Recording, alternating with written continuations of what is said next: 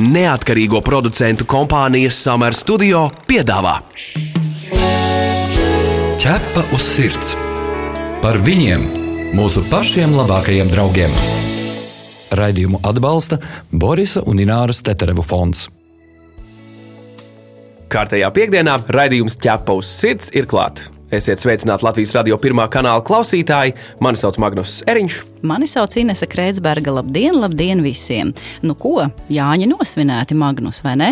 Tas tiesa, skaisti svētki aiz muguras, vēl pāris brīvdienas jau pavisam drīz mums priekšā. Un arī atvaļinājuma laiks visiem, nu gandrīz visiem teju klāt. Un, arī mums. Un arī mums. Un ko cilvēki atvaļinājuma laikā dara? Nu, mēģina jau arī daudz kur ar saviem mīluļiem doties dabā. Un tad meklē, kurš tāds aktīvāks suns, kurš varbūt negrib tādas lielas, aktīvas nodarbes piekopt. Un tad parādās mums jautājums, kuri tad varbūt ir šie aktīvie un populārie suņu zielām? Vai tie ir husky? Vasarā visticamāk, ka nē. Bet šodien mēs runāsim tik tiešām par huskijiem. Jā, husky īstenībā ir tāda viena ļoti, ļoti populāra šķirne, par kuru, diemžēl, ir ļoti daudz stereotipu un nepareizu priekšstatu. Un tāpēc mēs izmantosim katru izdevību, kur varbūt mēs varam pastāstīt, kas jāzina, ja cilvēki grib šo tomēr sarežģīto suņu šķirni. Un pie mums šodien studijā ir Haskiju saimniece Gundaga Pumpure. Labdien, Gundaga! Labdien! Vai pareizi, ka Gundagas ģimenē šobrīd ir 12 haskiji? Jā. Tieši tā. 12 haskiji, bet par to mēs visu parunāsim. Bet vispirms noklausīsimies mūsu kolēģis Jānis Vītoļņas sagatavoto sižetu. Ja tavs sirds skaidro faktus, Dzīvnieku patversmē meža vairogi, haskiju šķirnes suņi ir vieni no visbiežākajiem jaunpienācējiem. Gan tīri šķirnes suņi, gan jaukteņi.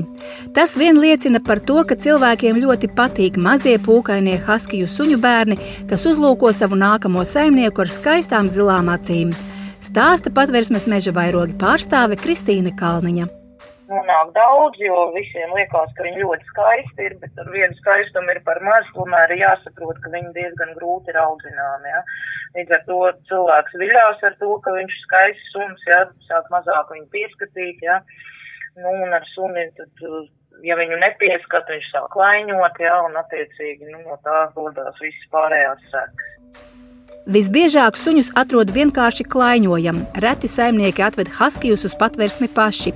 Tajās reizēs stāsts parasti ir par dzīves vietas maiņu vai pat pārcelšanos uz ārzemēm. Tikai izņēmuma gadījumos saimnieki vaļsirdīgi atzīst, ka suns ir nevaldāms. Parasti jau mē, mēs uzdodam zināmas konkrētas jautājumus. Nu, protams, ka to ir grūti noslēpt. Jā? Nu, protams, ka cilvēki pēc tam saprot, ka viņi netiek ar to sunu galā cilvēki domā, ka var paņemt haskiju uz laukiem, ja, un tad viņš ir daudz izskraidījies, ja, bet haskijas aizskrien pie kaimiņiem, tur ir vistas, tur ir citi dzīvnieki, tas varbūt viņam liekas kā rotaļlieta, ja, nu, protams, ka uh, kaimiņi nav par to priecīgi, ja. Pat ja nākamie saimnieki ir bijuši informēti, ka haskijs nav no viegli audzināmajām suņu šķirnēm, tik un tā izvēlējušies par savu ģimenes mīluli tieši haskiju, ar domu, gan jau vēlns nav tik melns, kā viņu mālē. Ja kāds izsaka vēlēšanos adoptēt no patvērsmes haskiju, patvērsmes darbinieki ļoti rūpīgi viņu izjautā un izsver visus par un pret, vai iespējamie saimnieki ir gatavi rūpēties par šīs šķirnes suni. Turklāt noteicošo lomu nevienmēr spēlē tas, vai saimnieks vedīs suni uz dzīvokli vai privātu māju ar plašu dārzu. Turpina Kristīna Kalniņa. Mums ir arī haskija, ko adoptēja uz dzīvokli un brīnišķīgi viņš dzīvo. Tur ir galvenais, lai cilvēkam ir pietiekami daudz šī laika resursu, ko veltīt šim dzīvniekam. Tur ir jābūt cilvēkam, tam haskijam, kā dzīvesveidam. Viņam ir jāmāk gan sadzīvot, gan dzīvot kopā ar to suni. Tā ir tāda suga, kura tiešām prasa to savu uzmanību, mīlestību. Dzīvnieku patversmes darbiniece uzskata, ka situācija neuzlabosies, kamēr vien visi šīs suņu šķirnes audzētāji nekļūs godprātīgāki, stāstot pircējiem par haskijiem visu, kā ir.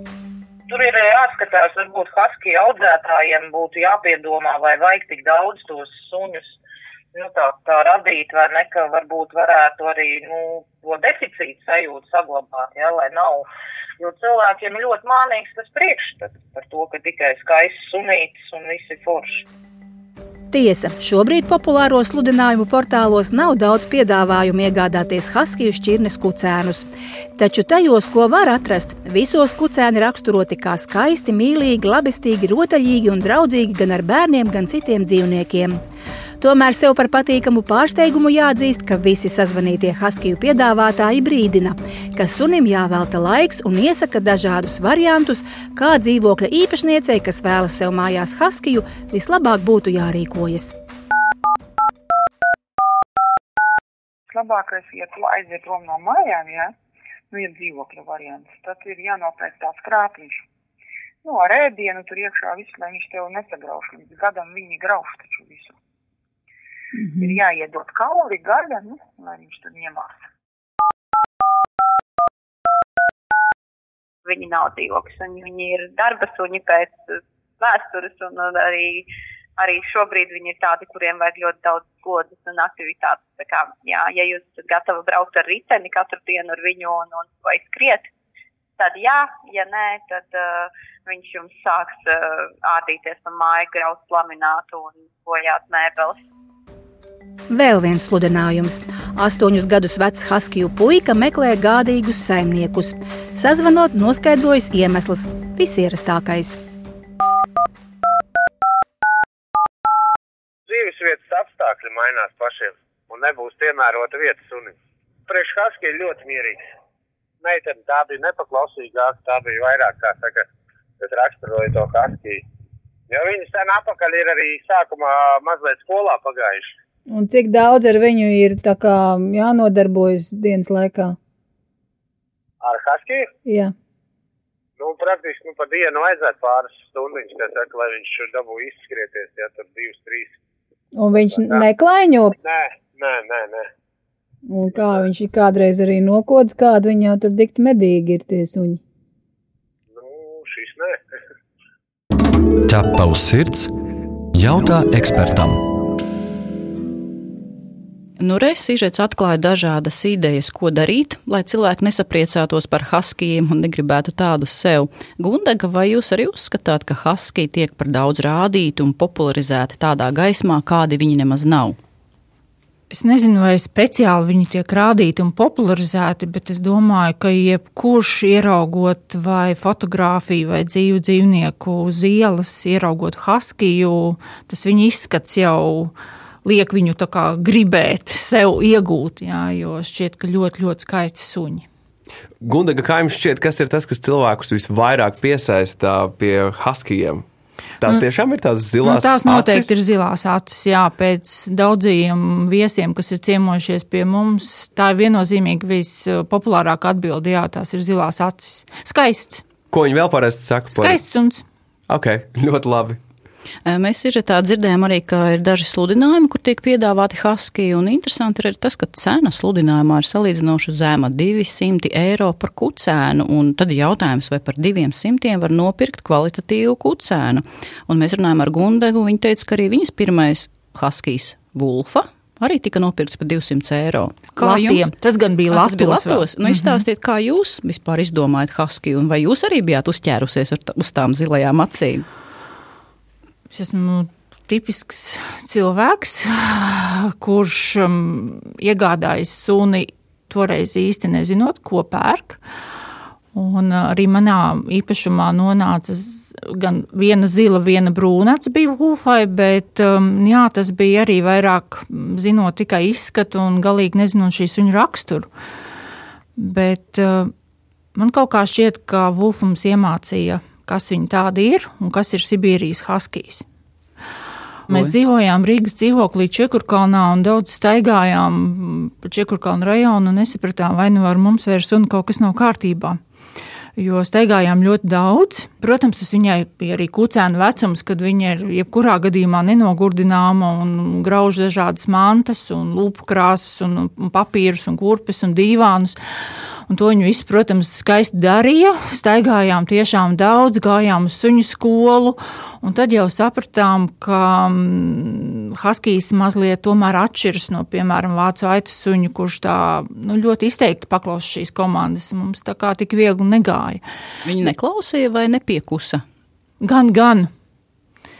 Jā, viņa, es atceros, ka viņi skatījās uz mani lielām acīm un uh, saprata, kā, ko es no viņas gribu, bet viņas uzmanību novērš kaut kas cits, un viņa aizskrēja pavisam uz citu pusi. Un, uh, Viņai tas šķita tik dabiski, un man liekas, nejūtās ne mazākajā mērā, ka viņa kaut ko neklausa. Vai, tā bija tāda ļoti dabiska rīcība no viņas puses. Par dabiskām rīcībām no Husky puses mēs, protams, esam runājuši un skaidrojuši par to, ka Huskyiem patīk aizlaisties no mājām. Kāda ir pieredze saistībā ar Huskyiem un šo jums?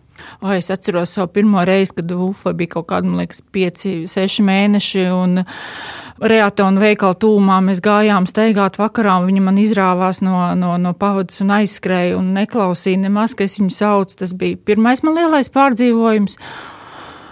Jā, mums, protams, ka ir suņi aizmukuši no mājām. Tad, paldies Dievam, kāds pēdējos 4-5 gadus tas nav noticis. Uh, bet, jā, izmukuši no voljera, izrakušies.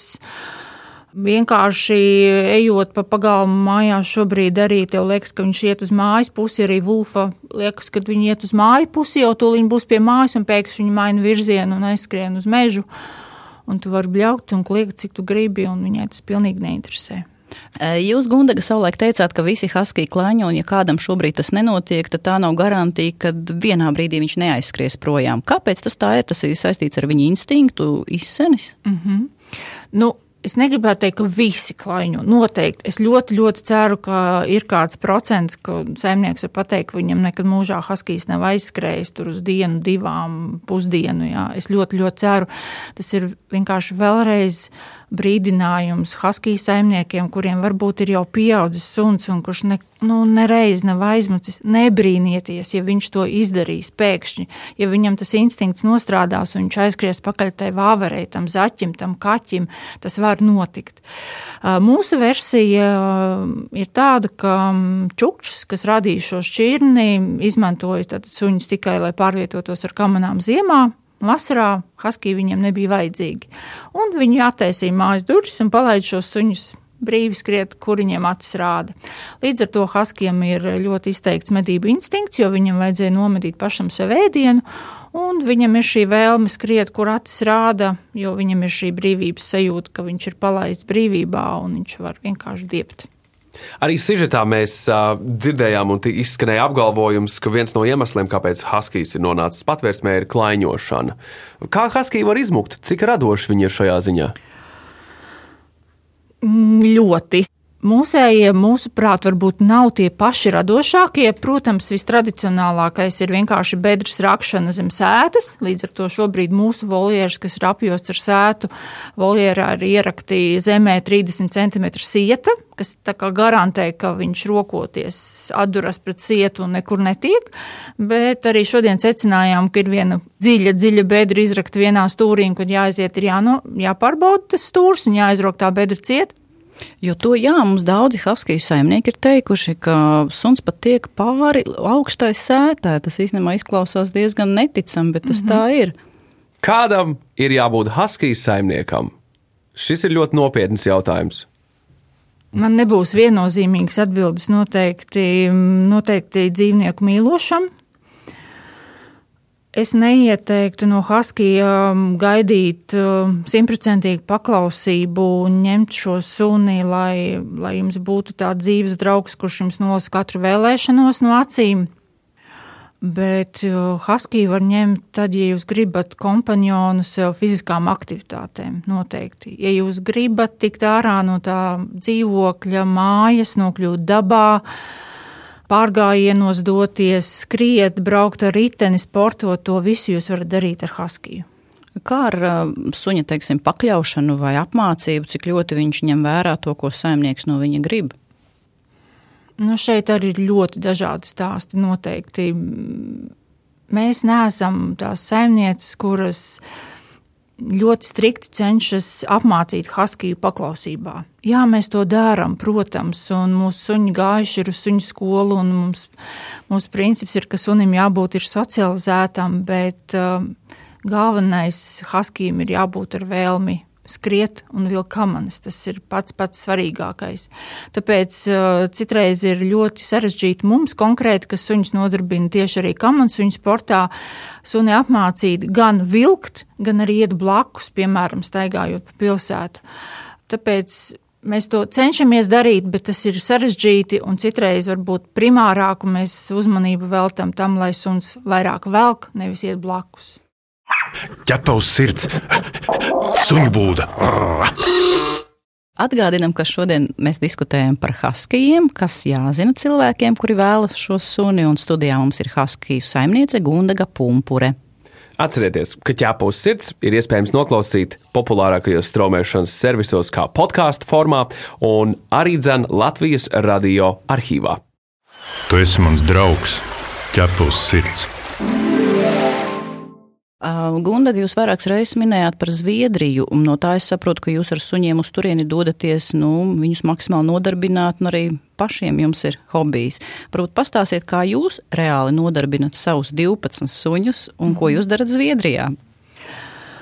Nu, mums ir ļoti paveicies, jo mēs esam divas Haskija saimnieces, un uh, otra saimniece Ilza Dombrovska ir tā, kura vada suņu pajūgu Es suņu pajūgu nevadu, bet es citādi aktīvi dodos meža ar suņiem. Un, jā, Zviedrija ir tā zeme, kurā joprojām ir gana ilgas ziemas, sniegotas ziemas. Un, um, kur Ilzi bieži startē sacensībās, un tāpēc arī jau piecus gadus mēs braucam uz treniņu nometni, kur vienu mēnesi pavadam Zviedrijā trenējoties ar suņiem, braucot ar suņu pajūgu. Uh, Un uh, tā nu ir sanācis, ka tas stāsts par to, kā viens suns var mainīt cilvēka dzīvi, jeb mēs nopērkot Vulfu no Rīgas dzīvokļa pārvācāmies uz Pierīgu un kļuvām nu, jau par 12 haskiju saimniecēm, tad šobrīd tas stāsts mainās uz to, ka pateicoties Vulfai, iespējams mēs arī ar suņiem šo rudeni pārceļamies uz Zviedriju. Jo šobrīd Zviedrijā gaisa temperatūra ir apmēram 12 grādi, mūsu paziņa, kurai arī ir haskija un arī ir viens mūsu Sibīrijas haskija kucēns, viņš šobrīd brauc treniņos ar saviem suņiem. Gundaga, kā zināt, vai haskijs būs man piemērots? Daudzi nemaz nezina, ka ir šova klases haskija un darba līnijas haskija. Ko vēl cilvēki nezina un par ko viņiem ir negaidīti atklājumi? Nu, viens no tādiem, manuprāt, lielākajiem atklājumiem ir par to, ka Haskijiem nepatīk viss, kas ir mazāks par viņiem - kaķi, pīles, zosis, vistas, ka Haskijs var būt, var nogalināt, piemēram, kaķi, ar kuru varbūt viņš ir pat varbūt uzaudzis. Es ļoti ceru, ka tā nav, jo es esmu dzirdējis daudzus gadījumus, ka tiešām saimnieks stāsta, ka mans haskijs ir uzaugusi kopā ar kaķu, un tas kaķis ir joprojām dzīves, un tas ir labi. Bet atkal nebrīnieties, ka nu, kaimiņu kaķi, piemēram, viņš aizskries pakaļ un vienkārši nokodīs. Kā tur ir ar tiem šova klases un darba klases haskijiem? Tur viena no otra ar ko atšķirās. Vienam ir instinkts kaut ko darīt, otram jāmāca. Jā, jā viens manas, otrs vairs manas, diemžēl. Jā, nu šo līnijas haskiji vismaz Latvijā, un es domāju, ka ne tikai Latvijā, vairāk Eiropā arī. Diemžēl ir nu, tas rezultāts tam, ka šo suņu spērk tikai zilo acu dēļ. Skaistākā žoka, skaistās, skaistā izskata pēc, noliek mājās uz dīvānu aiziet uz izstādi, nu, pastaigā pa parku. Un šiem suņiem šis vilkšanas gēns sāk izzust. Jā, viņiem šī, šīs darba spējas mazinās. Un darba līnijas haskijiem lielākoties visas paudzes atpakaļ senči ir vilkuši kamanas, viņiem tas vairs nav jāmāc, tas viņiem gēnos ir tik spēcīgi, ka arī kucēnu, piemēram, 8-9 mēnešos pirmoreiz ieliekot komandā pie pārējiem suņiem uz pavisam īstu distanci, viņam vispār nav jautājumu, kas ir jādara. Viņš jau automātiski sāk izpildīt visu. Gundega, Vai taisnība, ka Huskies nav īsti orientēts uz saimnieku? Un, ja tā, tad kāpēc? Jā, nav orientēts uz saimnieku. Es domāju, ka iemesls ir tieši tas pats, ko es stāstīju, ka tad, tad čukčs viņus izmantoja tikai pusgadu apmēram, un pēc tam laida vaļā. Tā kā Haskijs varēja nonākt um, pēc pusgada, piemēram, pavisam citā ģimenē, un tur, kur viņam devējs, tur, tur arī bija labi. Un, um, jā, viņa galvenais uzdevums ir skriet, vilkt kaut ko, un viņam tur saimnieka vēlmes. Tur vispār nav vajadzīgas. Bet, protams, ka tas nav simtprocentīgi, arī mūsu husky ir pielāgojušies mazliet nu, jau citiem dzīves apstākļiem. Arī mums ir viena suņu meitene, kas skatās tev acīs un ir gatava nolasīt vēlēšanos no acīm, bet viņa tomēr ir tipisks Sibīrijas haskijs, kurš laidīsies pakaļ tai vāverei un zaķim un kaķim. Būs izņēmumi, noteikti būs izņēmumi, kad haskijs būs ļoti, ļoti tuvu savam saimniekam. Bieži par haskijiem runājot, arī tad, ja viņi patversmēs nonāk, tiek minēta agresija. Ko nozīmē agresija haskijiem? Vai tā ir saimnieka izdoma vai pārspīlējums, ja agresija var ieslēgties kaut kādos brīžos, ja, piemēram, tas nav tīras šķirnes suns? Kā jūs komentētu šo iespēju, ka haskijs kļūst agresīvs? Nedomāju, ka tam ir saistība ar tīršķirni vai, vai, vai jaukteni, haskiju jaukteni. Nu, vispār, atkal atgriežoties pie tiem pašiem čukčām, šīs šķirnes radītājiem, gods un cieņa viņiem, ka viņi nepieļāva agresīvu haskiju vairošanu. Tātad, ja viņi manīja, ka haskijs kļūst agresīvs, viņi, diemžēl, šo sunu likvidēja. Diemžēl vai par laimi, jo ko nozīmē agresīvs uh, suns? Tas nozīmē, ka vai viņš ir agresīvs arī pret citiem saviem sugas brāļiem vai pret cilvēku. Tas nozīmē, ka kādā brīdī čukča aizbraucis 200 km no savas mītnes vietas, viņš var netikt atpakaļ. Ja suņi, piemēram, savā starpā sakaujas vai suns uzbrūk saimniekam vai kaut kā tam līdzīga, līdz ar to šī agresija tika skausta ārā. Nu, manuprāt, agresijas huskijas ir tikai mūsu sabiedrības sekas, jo cilvēki vairs tam nepievērš tik lielu uzmanību. Un, um, jā, protams, gadās arī, ka huskijs ir agresīvs pret cilvēku, to nevar noliegt, bet nu, lielākoties šai šķirnei nav raksturīga agresija pret cilvēkiem. Tātad, principā, ja Haskijs nokož kaķi, nu, tas ir šausmīgi tāds fakts, bet tas nenozīmē, ka viņš vienā brīdī var rādīt zobus un rūkt un uzbrukt saimniekam. Nē, protams, mēs vienmēr arī saviem viesiem sakam, ka mēs nevaram garantēt, ka mūsu, kāds no mūsu suņiem kādam neiekodīs. Tāpat kā cilvēki nevar garantēt, ka viņu bērns kādam neiesitīs.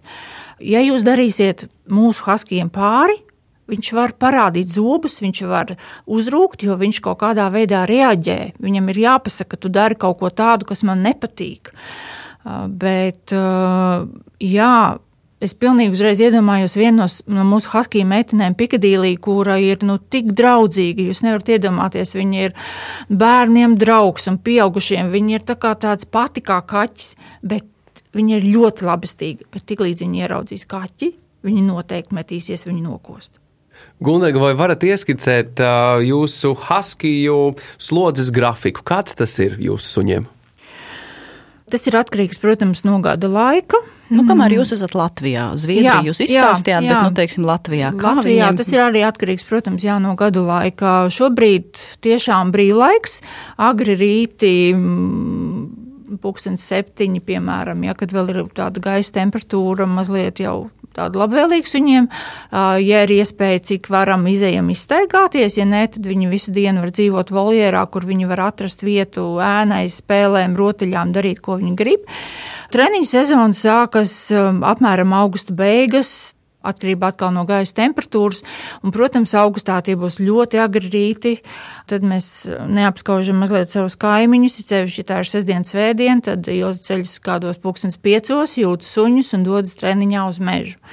Tā kā atkarībā no tā, kādām sacensībām viņi trenējas, tad suņi tiek trenēti arī. Un, nu, tas, vai tas notiek piecas dienas nedēļā, vai četras, vai, vai septiņas, tas atkarīgs no šī mērķa.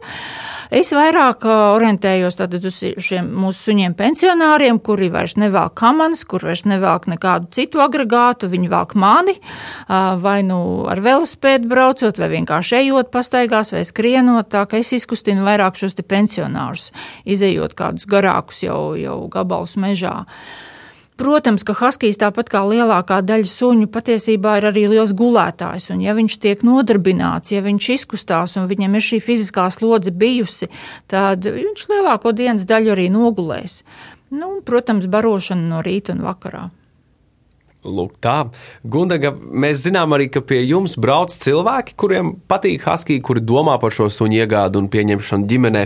Bet uh, esam dzirdējuši, ka arī pēc apmeklējuma cilvēki pārdomā un saprot, ka nē, tomēr neiegādāsies un neņems šo suni sev. Vai varat uh, pastāstīt par šīm niansēm? Jā, mēs tā vienmēr ceram. Un ir bijuši gadījumi, kad nu, vairāk tie ir pieauguši cilvēki, kas dzirdot visu to stāstu, apzinās un saprot un pasaka, ka šobrīd, labi, šobrīd nē. Vismaz šobrīd nē. Ar bērniem mums neiet tik vienkārši. Jo mēs ļoti labi apzināmies, arī šajā nedēļas nogalē mēs aizvadījām pasākumu atvērtās dienas laukos, kad uh, bija ļoti daudz apmeklētāju, un mm, patīk viens vīrietis, viņš saka, pagaidiet, kāpēc jūs tikai tās briesmas stāstiet par tiem haskijiem, nu, kaut ko skaistu. Un uh, mēs tiešām lielākoties stāstam tās briesmu lietas par haskijiem, un neraugoties uz to visu, viņš ierauga dzīvē, un pavada kaut kādu laiku kopā ar mūsu haskijiem dzīvē. Tas bērns nenotic tiem briesmu stāstiem, viņš notic vairāk tam skaistajam, mierīgajam haskijam, kas tur saulītē izgūlies, ļauj viņam kasīt vēderu. Un līdz ar to tie bērni tomēr aizbrauc bieži vien ar to sajūtu, nē, mamma, tēti, es tomēr gribu to haskiju. Ja? Tā kā nu, ne, nevienmēr mums tas izdodas, bet mēs nenogurstoši cenšamies cilvēkus pārliecināt, ka viņiem nevajag haskiju. Bet šajā pandēmijas laikā nu, mēs visi zinām, ka pieaudzis pieprasījums pēc suņiem, dažādiem cilvēki pērk. Kas jūs pašu Gundaga pārsteidz joprojām par cilvēkiem? Ko viņi varbūt nesaprot? Kādas kļūdas jūsuprāt viņi pieļauj un kas tomēr vairāk varbūt būtu vai nu jāskaidro vai, vai kāda informācija vairāk jādod? Kas ir tas, ko cilvēki varbūt nu, nesaprot ņemot suni, sevišķi, ja tas ir pirmais? Nu, ka sunim būs jāvelk laiks, Un laiks nav tikai mm, suņu barošana, suņu izvešana mm, pastaigā, bet nu, tas ir ikdienas laiks, jo sunim ir svarīgi būt kopā ar cilvēku. Jā, viņam šobrīd šķiet, ka pandēmijas laikā varbūt attālināti strādājot, viņš turpat mājās vien ir un viņš ir kā, biežāk ar to dzīvnieku, bet, ja būs jāatgriež atpakaļ biroja darbā, tad nu, kur tas suns atkal paliks un kas ar viņu notiks. Tā kā, nu, tas ir tas lielākais šobrīd. Radījuma noslēgumā mums jautājums jums, Gundaga, kāpēc tieši Husky ir paši, paši labākie suņi jums pasaulē? Haskija nav paši labākie suņi pasaulē. Viņi ir manis, manā sirdī. Tie ir manējie. Jā, bet tieši jums, kāpēc viņi ir paši labākie? Gunda ilgi domā. Jā, es, man ir ļoti grūti uzreiz atbildēt, jo tā sajūta ir kaut kur tik nu, ļoti dziļi dvēselē, ka to ir ļoti grūti noformulēt. Man patīk, ka es varu būt viņiem blakus. Nevis, ka viņi man ir blakus, bet es viņiem esmu blakus.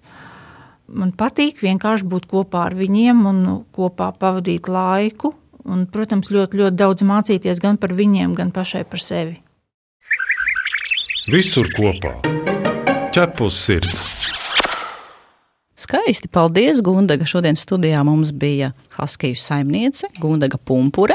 Ja cilvēkiem ir interese, vēlme par haskijiem, var doties ciemos, pieteikt savu vizīti pie Vulfas kundzes, mājasemniecība, ja saucās. Jā. Un īstenībā tā ir tāda arī laba doma cilvēkiem, varbūt pirms viņi iegādājas kādus konkrētus šķirnes suni, ir taču iespēja vispirms apskatīties, kā šie suņi dabā izskatās, kāda ir kopšana, pareizi magnus, ar Zinu, ko jārēķinās. Līdzīgi kā ar automobīļu iegādu, vai ne?